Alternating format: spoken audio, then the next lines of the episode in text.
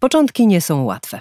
Wilhelm Maybach, urodzony w 1846 roku, ma zaledwie 8 lat, gdy umiera jego matka, a dwa lata potem ojciec. Wilhelm i jego czterej bracia zostają sami. Przyjaciele rodziny nie mogą lub nie chcą zabrać dzieci do siebie, więc zamieszczają w prasie ogłoszenie, że są sieroty do przygarnięcia. Wilhelma decyduje się zabrać protestancki teolog Gustav Werner i jego żona, którzy prowadzą w Reutlingen Burderhaus, sierociniec dla chłopców, a obok niego szkołę i warsztaty. Początkowo Wilhelm kształci się na piekarza. Może gdyby na tym wykształceniu się skończyło, mielibyśmy dzisiaj słynne bułeczki majbaszki. Na przykład. Ale mamy zupełnie coś innego, ponieważ Gustav Werner dostrzega, że Wilhelm ma talent techniczny. No nic dziwnego, w sumie ojciec chłopca był stolarzem, inni mężczyźni w tej rodzinie także zajmowali się, ogólnie rzecz biorąc, naprawianiem rzeczy, więc pewnie coś tam po nich odziedziczył. Wilhelm rozpoczyna pracę w biurze kreślarskim warsztatu mechanicznego i zostaje posłany na nauki. Uczy się matematyki, fizyki i rysunku, a także, co potem okaże się bardzo ważne, angielskiego i francuskiego. Kolejny kamień milowy w historii Wilhelma Maybacha to moment, gdy Gustav Werner zatrudnia inżyniera Gottlieba Daimlera jako szefa warsztatu w Burderhaus, a ten błyskawicznie dostrzega zdolności 17-letniego wówczas Wilhelma Maybacha. Kiedy więc Daimler zostaje członkiem zarządu fabryki maszyn w Karlsruhe, zabiera ze sobą Wilhelma. Od tej pory ich drogi połączą się na zawsze. A co wyniknie z tej współpracy, opowiedzą moi i Państwa goście, dziennikarze motoryzacyjni Jerzy Kosowski, redaktor naczelny Automobilisty. Dzień dobry. I Bartek Gądek, historyk, dziennikarz. Dzień dobry. Ja nazywam się Marta Grzywacz i zapraszam Państwa do wysłuchania kolejnego odcinka podcastu Pół godziny z gwiazdą. Dziś tematem jest stulecie Maybacha. No więc Maybach jedzie za Daimlerem do fabryki samochodów w Karlsruhe. Spędzają razem długie godziny w nocy, rozmawiając o projektowaniu silników, pompach paliwa, systemach smarowania itd., tak itd. Tak Czyli Daimler w zasadzie zaraża Maybacha pasją do nowej dziedziny, która już wówczas się rodzi, czyli motoryzacji, czy na razie jeszcze za wcześnie mówić o tej nowej dziedzinie przemysłu i możemy tylko mówić o silnikach, które są stosowane w różnych innych miejscach? No ja myślę, że zdecydowanie możemy mówić na początku o silnikach, yy, dlatego że oni zaczęli pracować w firmie Gasmotoren Deutz. Yy, firma, która zatrudniała również taką dość znaną postać, mianowicie pana Otto, który opracował całą termodynamikę silnika yy, benzynowego. No zresztą w Niemczech często na silnik benzynowy mówi się Otto w ogóle, także to stąd się wzięło. No, no, ich współpraca tam parę lat potrwała i była to czysto konstrukcyjna i stworzyli znakomity duet y, inżynierski w sumie, mimo że formalnie takiego inżynierskiego wykształcenia nie posiadali. Zresztą to były takie mm, dość dziwne czasy, kiedy y, tworzący motoryzację jeszcze w tej chwili taką, bym powiedział, pionierską, nie mieli często formalnego wykształcenia takiego właśnie, no bo nie było, to była zupełnie nowa dziedzina. To tak jakbyśmy, nie wiem, w 1948 roku zaczęli kształcić powiedzmy specjalistów od lotów na Księżyc. To tak mniej więcej wyglądało. No ale w każdym razie y, współpraca z y, Deutzem firmą no, bardzo znaną wśród producentów silników, zakończyła się w roku 882 na skutek niesnasek z panem Otto. Ale Otto w międzyczasie udaje mu się wielki sukces, być może właśnie przy pomocy Daimlera i Maybacha, prawda? W 76 roku, jeśli dobrze pamiętam, oni tworzą czterosuwowy silnik. Tak jest, tak jest. E, to był taki pierwszy można powiedzieć, kamień milowy, który potem sprawił, że te silniki mogły się, mogły się przenieść do środków transportu, środków komunikacji. Natomiast ja chcę tutaj wrócić do tego wykształcenia. My musimy pamiętać, że mm, jakoś dzisiaj się tak utarło, że jak ktoś się bawi w taką zaawansowaną mechanikę, to musi być koniecznie inżynierem. Wtedy ten ślusarz. Mm, to był już bardzo dobry fach. Jeszcze w latach 20. i 30., jak spojrzymy choćby na polski rynek motoryzacyjny, to większość właścicieli dobrych warsztatów to byli ślusarze, wcale nie inżynierowie. Mm, a tworzenie się tej inteligencji technicznej w Niemczech, no to jest tak naprawdę druga połowa XIX mm, wieku, głównie lata 90. aż do okresu przed I wojną. Więc proszę, no mili Państwo, no wyższe wykształcenie to jest przywilej współczesnych czasów. Kiedyś tak, mm, tak, po prostu, e, tak po prostu nie było. Ja tylko jakby e, mówimy o tym rozwodzie Deutscha i inżyniera Otto z Maybachem i Daimlerem. I Daimlerem e, to Warto wspomnieć o tym, że zanim tak naprawdę zaczęto mówić o takiej poważnej motoryzacji na kołach, to ta motoryzacja zaczęła się najpierw na wodzie i tutaj pierwsza motorówka już, prawda, Daimlera i, i już Maybacha, no to, to było absolutne wow. No I, właśnie, oni zdaje się na tych motorówkach wypłynęli, że tak, tak powiem, prawda, finansowo tak, również. trzeba o tym pamiętać. I wrócili. I wrócili, tak. Mm, no i tutaj Deutz. Tak naprawdę to natychmiast, kiedy, e, bo wszyscy mówią pierwsza motorówka, pierwsza motorówka w Anglii, to też właśnie Daimler i, i Maybach, ale też Deutz, który natychmiast dołączył do tego wyścigu i to były dwie firmy, które się bardzo mocno ścigały właśnie na wodzie w tym okresie przełomu XIX i XX wieku. I ten pierwszy wyścig technologiczny, taki motorowy, można powiedzieć, on się właśnie odbywał nie na lądzie, ale właśnie gdzieś tam, prawda, na różnych akwenach. A ja jeszcze chciałam powiedzieć, tak trochę y, odchodząc od motoryzacji i tak może bardziej filozoficznie, że jednak odrobina niezbędnego w życiu szczęścia bardzo nam pomaga, prawda? No, gdyby nie moment spotkania z Gustawa Wernera, jeśli chodzi o Maybacha, a potem Gottlieba tak Daimlera, to nie wiadomo, gdzie by ten młody człowiek wylądował i dzisiaj nie, nie cieszylibyśmy się jednym z najbardziej luksusowych samochodów na świecie. Trafił na swój czas. Tak znaczy, jest. Może jeszcze dodam, że to takie stare porzekadło jest, że przygotowani mają więcej szczęścia. To tak to studentom prawda. to polecam. Tak. Był zdolnym człowiekiem, to jest też inna sprawa. Także do, dobrze, tak. że spotkał ludzi, którzy te, te zdolności jego dostrzegli. Jesteśmy ciągle jeszcze w Dojcu, ale w pewnym momencie panowie się jednak rozdzielają. Decydują się zacząć pracę na własną rękę. Gottlieb Daimler dostaje odszkodowanie czy wynagrodzenie za swoje udziały. E, duże. Duże, tak? To chyba było 170 tysięcy marek w złocie, z tego co pamiętam. I co robi wtedy? I on dom wybudował. Wybudował dom, ale przy tym domu zbudował sobie warsztacik. Tak jest, Karlstadt.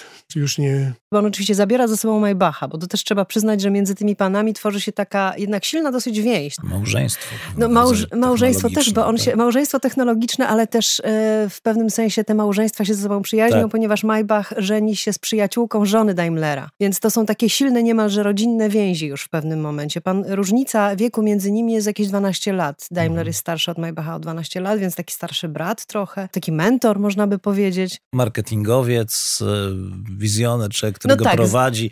Ja tak. tutaj byłbym ostrożny z tym mentorem. Bardziej Daimler był człowiekiem, który wiedział, co robi i ten Maybach był mu absolutnie niezbędny. Oni się po prostu zwyczajnie uzupełniali.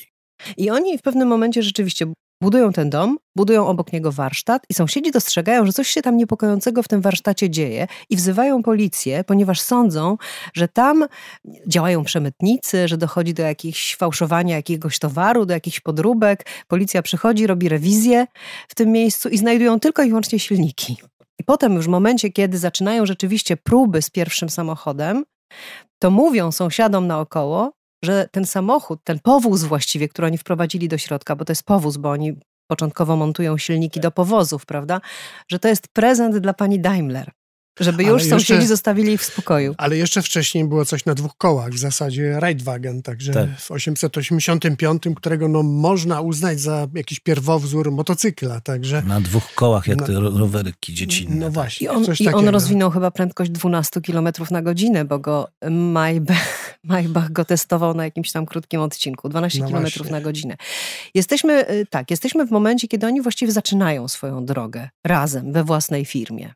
Tak, w 1983 roku e, pierwszy patent zgłosili wspólny. To był taki silnik szybkoobrotowy, jak się wtedy nazywało. Pewnie miał z 800 obrotów, także to, bo inne to miały pewnie po 300. W każdym bądź razie to był ich e, pierwszy patent. E, no i w 890 roku założyli już wspólną firmę, w zasadzie Daimler Motoren, ale jeszcze przed tym te ich silniki zostały użyte po raz pierwszy w latającym balonie w 888 roku. E, taki księgarz z Drezna, Karl Wölper, e, który budował balony, a ponieważ balon lata tam, gdzie wiatr wieje, a on chciał w drugą stronę, w związku z tym dołożył silnik Maybacha, konstrukcji wspólnej Daimlera Maybacha. No i to uznaje się jako początek takiej techniki yy, sterowców w tym momencie, bo rzeczywiście z tym silnikiem Daimlera Maybacha można było polecieć pod wiatr. Także co się Czyli najpierw było na wodzie, tak, najpierw, tak. najpierw były silniki, które służą do poruszania się po wodzie, potem było powietrze, motocykl, można tak powiedzieć, tak prototyp motocykla. No, potem sterowiec. Sterowiec. Sterowiec, tak. To właśnie to powietrze i w końcu? No i w końcu samochód, ale pamiętajmy o jednej rzeczy, że ten e, czarodziejski świat ówczesnej mechaniki mm, oparty o silniki, to był świat maszyn rolniczych przede wszystkim. To był świat maszyn, które służyły do napędzania rzeczy różnych, na przykład fabryk. młynów, fabryk, to nie tylko e, Daimler, to nie tylko Maybach, to nie tylko Benz gdzieś tam niedaleko. Ja zawsze mówię, że mm, to tak jak teraz troszkę z elektroniką, z informatyką, z IT. To był taki sam wybuch i ta chmura, taka ogromna, mechaniczno pachnąca oliwą, ona sobie gdzieś tam krążyła po Europie i to było absolutne wow. I z tej chmury powstawały wynalazki absolutnie genialne. A czy możemy powiedzieć, e, w którym momencie właściwie zaczyna się świadomość, że te silniki mogą również służyć do poruszania no, konnych chwilowo jeszcze powozów? To jest jedna rzecz. I czy e, ten wyścig, jeżeli w ogóle jakiś się rozpoczyna, wygrywa Karl Benz? Bo on w 1985 roku e, buduje motor do dwumiejscowego trójkołowca i właściwie w ten sposób tworzy pierwszy samochód. Czy on rzeczywiście wygrał ten wyścig? Znaczy, jeśli chodzi o patent, tak. Natomiast y, oni z Daimlerem prawie się mogliby się zderzyć w drzwiach. Z, prawie, że, prawda? Tak. Bo w 86 tak, tak, zaraz. Tak, mhm. także prawie, że mogliby się w urzędzie patentowym w drzwiach zderzyć. Y, przy czym y, to współzawodnictwo między Benzem a Daimlerem trwało bardzo długo. Te firmy ze sobą konkurowały, przy czym Daimler był firmą, jak się dzisiaj uznaje, znacznie nowocześniejszą. Tak. Szedł, że tak powiem, troszeczkę innym torem niż Benz. Benz musiał potem zweryfikować swoje plany, także ta konkurencja istniała. Tam zresztą pojawiają się w tym okresie kolejne nazwiska i tutaj jeszcze można by powiedzieć o nie tylko o tym, że ludzie nie posiadający formalnego wykształcenia, ale również te zdolności inżynierskie były dosyć mocno dziedziczne, bo syn Daimlera Paul, y, czy syn Maybacha Karl, y, czy syn Porsche, który też się w tym okresie już zaczął pojawiać. Y, mało kto wie, ale Porsche zaczynał w Austrii firmie Loner i budował samochody elektryczne i hybrydowe. Nie pomyliłem się. Samochody hybrydowe były budowane na przełomie wieków lub z napędem takim benzynowo-elektrycznym, czyli mm, silnik spalinowy napędzał prądnica, a prądnica napędzała silniki elektryczne w kołach. No i proszę Państwa, Francuzi. Tak. Bo to jest, my tutaj mówimy o tej konkurencji niemieckiej, tak. ale proszę pamiętać, że tam w ten okres no, przełomu XIX wieku absolutna wojna francusko-pruska, która się dzieje również na niwie technologicznej. No i to jest właśnie ten czas. Każdy podpatrywał, każdy modernizował, każdy tworzył, a Daimler i Maybach rzeczywiście byli tymi, którzy podchodzili do tego technologicznie. To znaczy nie tylko wsadzić, uruchomić, wyjechać, ale stworzyć zupełnie nową wartość. No przecież gaźnik chociażby, prawda, tak. Maybachowy, to jest ten czas. Jeśli chodzi o Francję, no Francja była zawsze bardziej otwarta na nowinki i e, szybciutko kupowano silniki Daimlera e, i budowano znacznie więcej, znacznie szybciej samochodów niż e, w Niemczech. Niemcy nie bardzo ufali jeszcze tym bryczkom bez koni, Francuzi natomiast bardzo szybko w to uwierzyli. Powiem tylko jako ciekawostkę, że w 1908 roku we Francji wyprodukowano w sumie we wszystkich firmach 30 tysięcy samochodów. Padło pytanie, y, Jurek, zgodzisz się pewnie, no, jak to się stało, że znaczy ta świadomość motoryzacyjna, kiedy powstała? Tu się musimy cofnąć do XVIII wieku. Był taki inżynier y, wojskowy francuski. Kinio. Kinio, właśnie, Kinio. I tenże właśnie pan Kinio wymyślił sobie y, taki pojazd, który miał być ciągnikiem artyleryjskim. Jak na to spojrzymy, to ta konstrukcja, gdyby przełożyć to z drewna na stal, to Niemcy coś takiego używali jeszcze w latach 20. i 30. wieku XX. Także można powiedzieć, że ten pomysł na zaprzęgnięcie silnika jakiegoś tam do pojazdu, który jest w stanie w miarę sprawnie się przemieszczać, to już jest koniec XVIII wieku. E, kiedy powstaje właściwie pierwszy samochód Maybacha i Daimlera? Ja tutaj mam datę 89 mm, rok, 1889. Budują pierwszy samochód w całości, a nie przerabiają z powozu. I to Maybach jeździ za granicę i znając ten francuski i angielski, prezentuje te ich dokonania za granicą na zagranicznych wystawach. No ale wracając jeszcze do tego pierwszego samochodu, to w tym momencie on powstaje, prawda? Zupełnie tak, nowa, nowa rzecz na, na rynku. Ale zaraz później powstała też formalna firma, bo formalnie oni, to Daimler Motoren w 890 roku powstało. No i wtedy już mogło się zajmować i sprzedażą tych wszystkich patentów i, i, i osiągnięć, które, które oni mieli. Ale to jest dla mnie też ciekawe, bo oni y, dokonują wielkiej rzeczy. Tworzą samochód, zakładają firmę, zaczynają właściwie produkować te samochody i jednak brakuje im pieniędzy. Brakuje tych pieniędzy na tyle, że muszą zatrudnić albo doprosić jeszcze do współpracy innych, którzy potem wchodzą z nimi w konflikt i panowie znowu muszą się oddzielić. Tak. To jest też ciekawe, że się nie mogli dogadać, prawda, że mieli różne koncepcje, że tamta dwójka tych wspólników y, uznała jednak, że no nie, no kto będzie jeździł jakimiś takimi dziwnymi pojazdami, to, to w ogóle jest, także nie ma co inwestować w silniki samochodowe. A tymczasem właśnie Daimler i Maybach postawili na te silniki samochodowe w pewnym momencie. No tu jakby troszkę potwierdzasz y, tą jakby większą innowacyjność Francuzów w tamtym tak. okresie, tak. którzy bardzo szybko zrozumieli jakby epokowy znaczenie takiego właśnie pojazdu, który ma własny silnik, jest autonomiczny.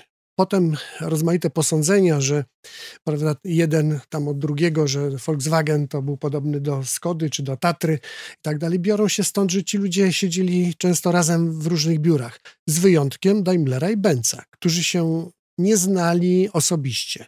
Bardzo blisko siebie pracowali, ale do końca życia e, Gottlieba Daimlera e, nie poznali się osobiście i byli konkurentami. Często wspominacie o Francji, e, a we Francji odbywały się bardzo ważne wyścigi. I wyścig, jeden z wyścigów w Nicei Y, miał znaczący wpływ na dalszą historię Maybacha. Wieku, Mówimy tak. o początku XX Zanim... wieku, 1900 rok. Biorą tam udział m.in. dwunastokonne Daimlery tak i się nagle okazuje, że taki Daimler rozwija zawrotną prędkość, absolutnie jakąś fantastyczną, tam chyba było 70 km na godzinę. I e, do Daimlera i Maybacha przychodzi pan, który nazywa się Jelinek i mówi, panowie, zróbcie mi fajny samochód. Ale on się musi inaczej nazywać, bo wy się źle kojarzycie. To znaczy... Dlaczego się źle kojarzycie? tak, no znaczy... wojna francusko-pruska cały czas no jest, tak, tak, tak, tak. Cały czas... tak, tak, no to, to, było, to było bardzo ważne wydarzenie, natomiast e, wiemy o czym zaczynamy mówić, o, o pannie Jelinek, także... Tak, e, która miała która na imię Mercedes. Imię, tak. tak, piękne imię Mercedes, zresztą zawsze uważałem, że Mercedes jest kobietą. E, zaproponował, żeby właśnie to było imię jego córki Mercedes. Także. I ten Mercedes 35 HP, tak, który on tak. tworzy dla e, Jelinka, e, zostaje okrzyknięty pierwszym nowoczesnym samochodem. E, Maybach zostaje uznany za króla designerów, konstruktorów, byśmy chyba raczej dzisiaj powiedzieli. Auto ma ramę ze stali, silnik umieszczony z przodu, dużą chłodnicę o strukturze plastra miodu, Taka ciekawostka. Napęd na tylne koła, przekładnię kierowniczą i mechanizm zmiany biegów, a także dwa siedzenia z przodu i dwa z tyłu. No, kompletna jakaś nowość. Polucja. Odjechał, odjechał na, na lata innym swoim konkurentom. Tak, bo dotychczas te silniki gdzieś tam z tyłu pod siedzeniem były e, montowane, żeby były blisko osi, ze względu na te wszystkie napędy pasowe, skórzane, rozmaite inne. Wysoko na ramię, tak. tak jak trochę właśnie w motorówkach, rama oczywiście drewniana. Ten samochód był lżejszy i niższy. To jest istotne. E, ta stalowa rama, która była odpowiednio wygięta, pozwalała umieścić te wszystkie podzespoły w sposób wygodny. Mm, e, do tego no, była zdecydowanie lżejsza od drewna. Mm, to wszystko, no tak, no można powiedzieć, że ten układ tego Mercedesa z początku wieku do dzisiaj gdzieś tam niektórzy konserwatyści montując samochody jednostkowe stosują ten, ten, ten, ten pomysł, a jeżeli spojrzymy na auta do lat 50. czy nawet 60. w niektórych krajach wieku XX, to tak naprawdę to wymyślono coś, co tak długo trwało. No tutaj trzeba jeszcze może tak e, z kronikarskiego obowiązku powiedzieć, że przenieśli się w tym czasie z Cannstatt do Untertürkheim. To jest takie przedmieście e, Stuttgartu i tam te zakłady Daimlera zaczęły funkcjonować. E, zostały rozbudowane oczywiście, no i zaczęto do tych nowoczesnych samochodów wkładać coraz to mocniejsze silniki, no bo konstrukcja pozwalała na to. Ona nie była bardzo mocno związana z samym silnikiem, tak jak dotychczas to było. Ale po tych wyścigach w Nicei, jeszcze tylko suplement, um, orzeczono, że Automobil Klub Francuski orzekł, że e, wkroczyliśmy w erę Mercedesa. W momencie, kiedy Maybach zakłada własną firmę, Motorenbaum, samochody projektuje syn y, Maybacha, Karl, y, z taśmy schodzi właściwie pierwszy samochód, który jest samochodem seryjnie produkowanym. I to jest rok 1921, i w zasadzie stąd dzisiaj możemy mówić o stuleciu Maybacha, prawda? Od tego momentu mniej więcej liczymy te, te 100 lat, bo rzeczywiście to jest samochód y, Maybach 2270 PS i będzie produkowany do 28 roku. Jak to się dzieje w pewnym momencie, że Maybach stawia na taką e, bardzo wysoką półkę? W roku 1929, bo tu już dogadaliśmy przeskoku, mm, ten cały dział konstruktorski poniósł dość sporą stratę, bo umarł i Karl Benz y, i Maybach. No i jakby kierowanie firmą przejął syn Karl Maybach, bardzo zdolny inżynier, o czym się za chwilę pewnie dalej przekona. Więc jakby naturalną koleją rzeczy dla Maybacha było, skoro już się nie dało sprzedawać dużej liczby fajnych silników e, do statków powietrznych, no to dobra, okej, okay, to wchodzimy w tą niszę, gdzie już są inni i produkujemy luksusowe, zaawansowane technicznie samochody. No i tutaj była dość spora konkurencja e, z e, Daimler-Benzem, czyli z Mercedesem-Benz, do którego gdzieś tam w głębi serca Maybachowie mieli jakiś tam żal, pewnie konkurencyjny i mimo, że Mercedes w tym czasie też jakby aspirował do tej najwyższej klasy, to jednak te samochody Maybacha jakby zachwyciły arystokrację niemiecką. I tutaj muszę powiedzieć, że w sumie do wybuchu II wojny światowej udało im się wyprodukować, według tych danych, które ja mam, w sumie 2200 samochodów, a więc to jest produkcja manufakturowa zupełnie. Także to trudno nawet mówić o fabryce, no ale fabryka musiała z czegoś żyć ale o tym za chwilę pewnie powiemy. Jesteśmy w XX wieku, kończymy e, dalszą historię. Przejdźmy do współczesności. Maybach jest już uznaną marką. Czy e, mamy Maybachy w Polsce w tamtym czasie, po wojnie? Maybachów Zeppelin, które były absolutnie szczytowym osiągnięciem luksusu i komfortu w okresie przedwojennym, e, wyprodukowano raptem 300 sztuk. I z mojego prywatnego dochodzenia wynika, że w Polsce powojennej, bo to już mówimy o współczesności po drugiej, współczesności po II wojnie światowej, e, znalazły się dwa takie samochody. Jaką drogą? Nie wiem. E, jeden z tych samochodów po remoncie pokazany jest w książce Denisa Adlera. A który to był rok? Mówimy o roku 46, a ten e, samochód, który jest pokazany w książce Denisa Adlera, wydanej na stulecie Srebrnej Gwiazdy, e, jest opisany jako pochodzący z kolekcji Tadeusza Tabęckiego i w 69 roku został sprzedany na zachód tak i wyremontowany. On był, jego, najpierw był własnością korpusu dyplomatycznego brytyjskiego, no trofejny, który trafił do ambasady. Mm, potem jeździł kogoś prywatnego, no potem jakby tak jak większość tych luksusowych samochodów, samochodów snów okresu PRL-u trafił do kolekcji Tabęckiego, a potem tak jak właśnie mówił Jerzy, 69 rok, mm, oficjalnie, y, oficjalnie wyjechał i tu trzeba powiedzieć, jak to było możliwe. To trochę było tak jak z Kubą, która w pewnym momencie zaczęła eksportować masowo te piękne krążowniki. Tabęcki był takim nieoficjalnym eksporterem tych samochodów zabytkowych w świat. Ktoś tam na pewno miał w tym udział i dlatego te samochody mogły sobie tak bezkarnie wyjeżdżać. A znaczy, drugi? Nie, nie wiemy do końca, co się stało z drugim, dlatego że zdjęcia tego drugiego egzemplarza, o którym mówimy, mam z kolekcji Karola Szczecińskiego, znanego fotografa i fotografika, tak by należało powiedzieć, i filmowca. Y, zdjęcia zostały zrobione przy okazji wizyty y, pana y, Fiorello LaGuardia, który wtedy był szefem UNRY. To był sierpień 1946 roku i on tutaj zwiedzał Warszawę i jeżdżąc e, kabrioletem e, Maybacha, Również w repozytorium firmowym znalazła się taka krótka migawka, kiedy na promie w okolicach Półtuska też się ten samochód znajduje i Fiorello LaGuardia też tam się zwiedzał też polskie, polską prowincję. Natomiast y, ciekawostką tych samochodów było to, że obydwa miały kierownicę z prawej strony, co mogłoby wskazywać na ich pochodzenie austriackie, ponieważ do Anschlussu w Austrii obowiązywał lewostronny ruch, o czym może nie wszyscy pamiętają. I te obydwa te, te samochody miały kierownicę po prawej stronie. Coś jest, to nie jest ten sam egzemplarz, dlatego że egzemplarz y, pokazany u Denisa Adlera miał koła zapasowe z tyłu na bagażniku, natomiast ten, którym wożono LaGuardię tutaj po Polsce, miał koła z boku przy przednich błotnikach. To nie jest tak, że to łatwo można przełożyć, bo samochód, który ma koła przy przednich błotnikach, ma zrobione specjalne wnęki w tych błotnikach, gdzie to się wkłada.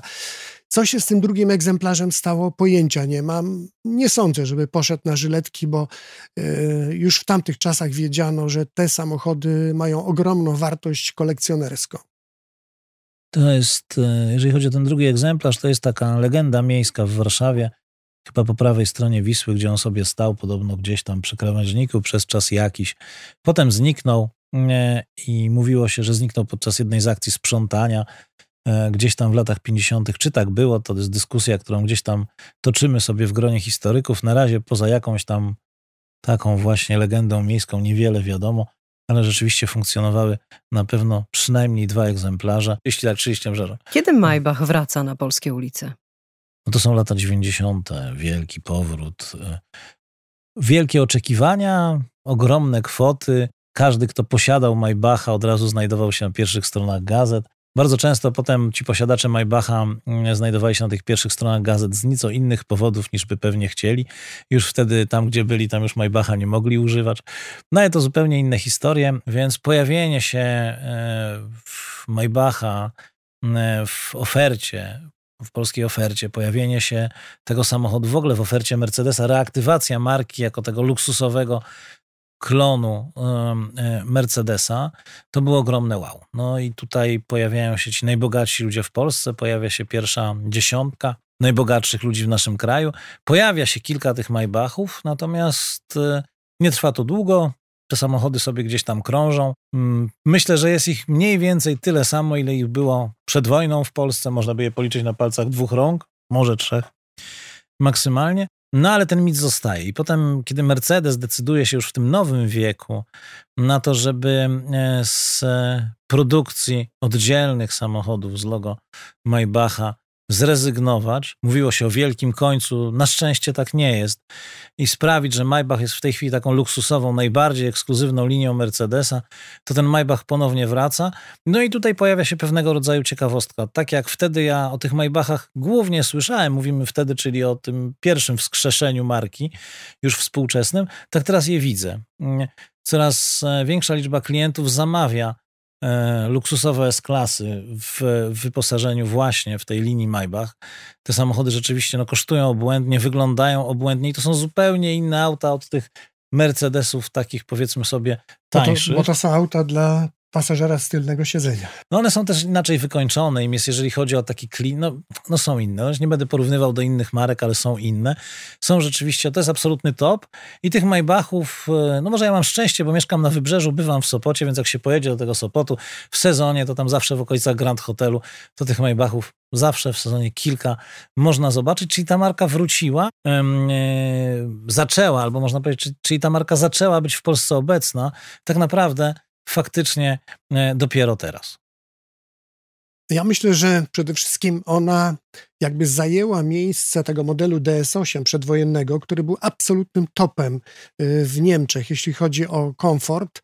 Tak, w tej chwili no, komfort i, i, że tak powiem, w ogóle parametry wszelkie, że ona też zajęła dokładnie tę samą niszę obecnie, którą zajmowała tuż przed wojną.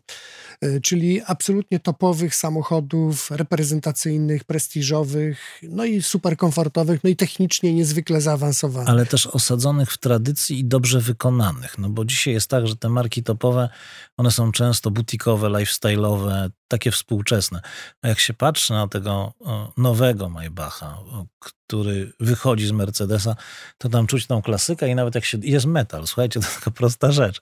Tam w tym samochodzie jest szkło, które jest szkłem i jest metal, który jest metalem, a nie plastikiem czy czymś tam, prawda, pokrytym, prawda, odpowiednią powłoką. I to, że ten samochód pachnie, ten samochód y, czuć w nim ten metal, ten samochód jest prawdziwy, to to jest to najwspanialsze dziedzictwo, jakie dzisiaj można zakląć w ten współczesny luksus i to jest po prostu nie do podrobienia. To jest niezwykle trudne, żeby połączyć ze sobą pewien konserwatyzm spojrzenia na samochodu z jego nowoczesnością. To jest, to się chyba bardzo dobrze udaje w tej marce. Ale Maybachowi się to zawsze udawało i to był, tak klucz do, to był jego klucz do sukcesu. Tak. Gdybyśmy mieli powiedzieć, czym był Maybach przez te 100 lat, aż do dzisiaj i czym jest dzisiaj, co byście powiedzieli po jednym zdaniu? Dla mnie przede wszystkim jest to inżynierska perfekcja. Technologia, tradycja i to, co jest najważniejsze w motoryzacji, za czym zaczynamy tęsknić. Niespełnione marzenie dla wielu. Marzenie, które warto spełnić, ja bym powiedział. Bardzo Wam dziękuję. Bartek Gądek, historyk dziennikarz, Jerzy Kosowski, redaktor naczelny automobilisty, Marta Grzywacz. To był podcast Pół godziny z gwiazdą, a w roli głównej tym razem Maybach. 100 lat Maybacha. Dziękuję bardzo. Dziękuję, do widzenia. Dziękujemy.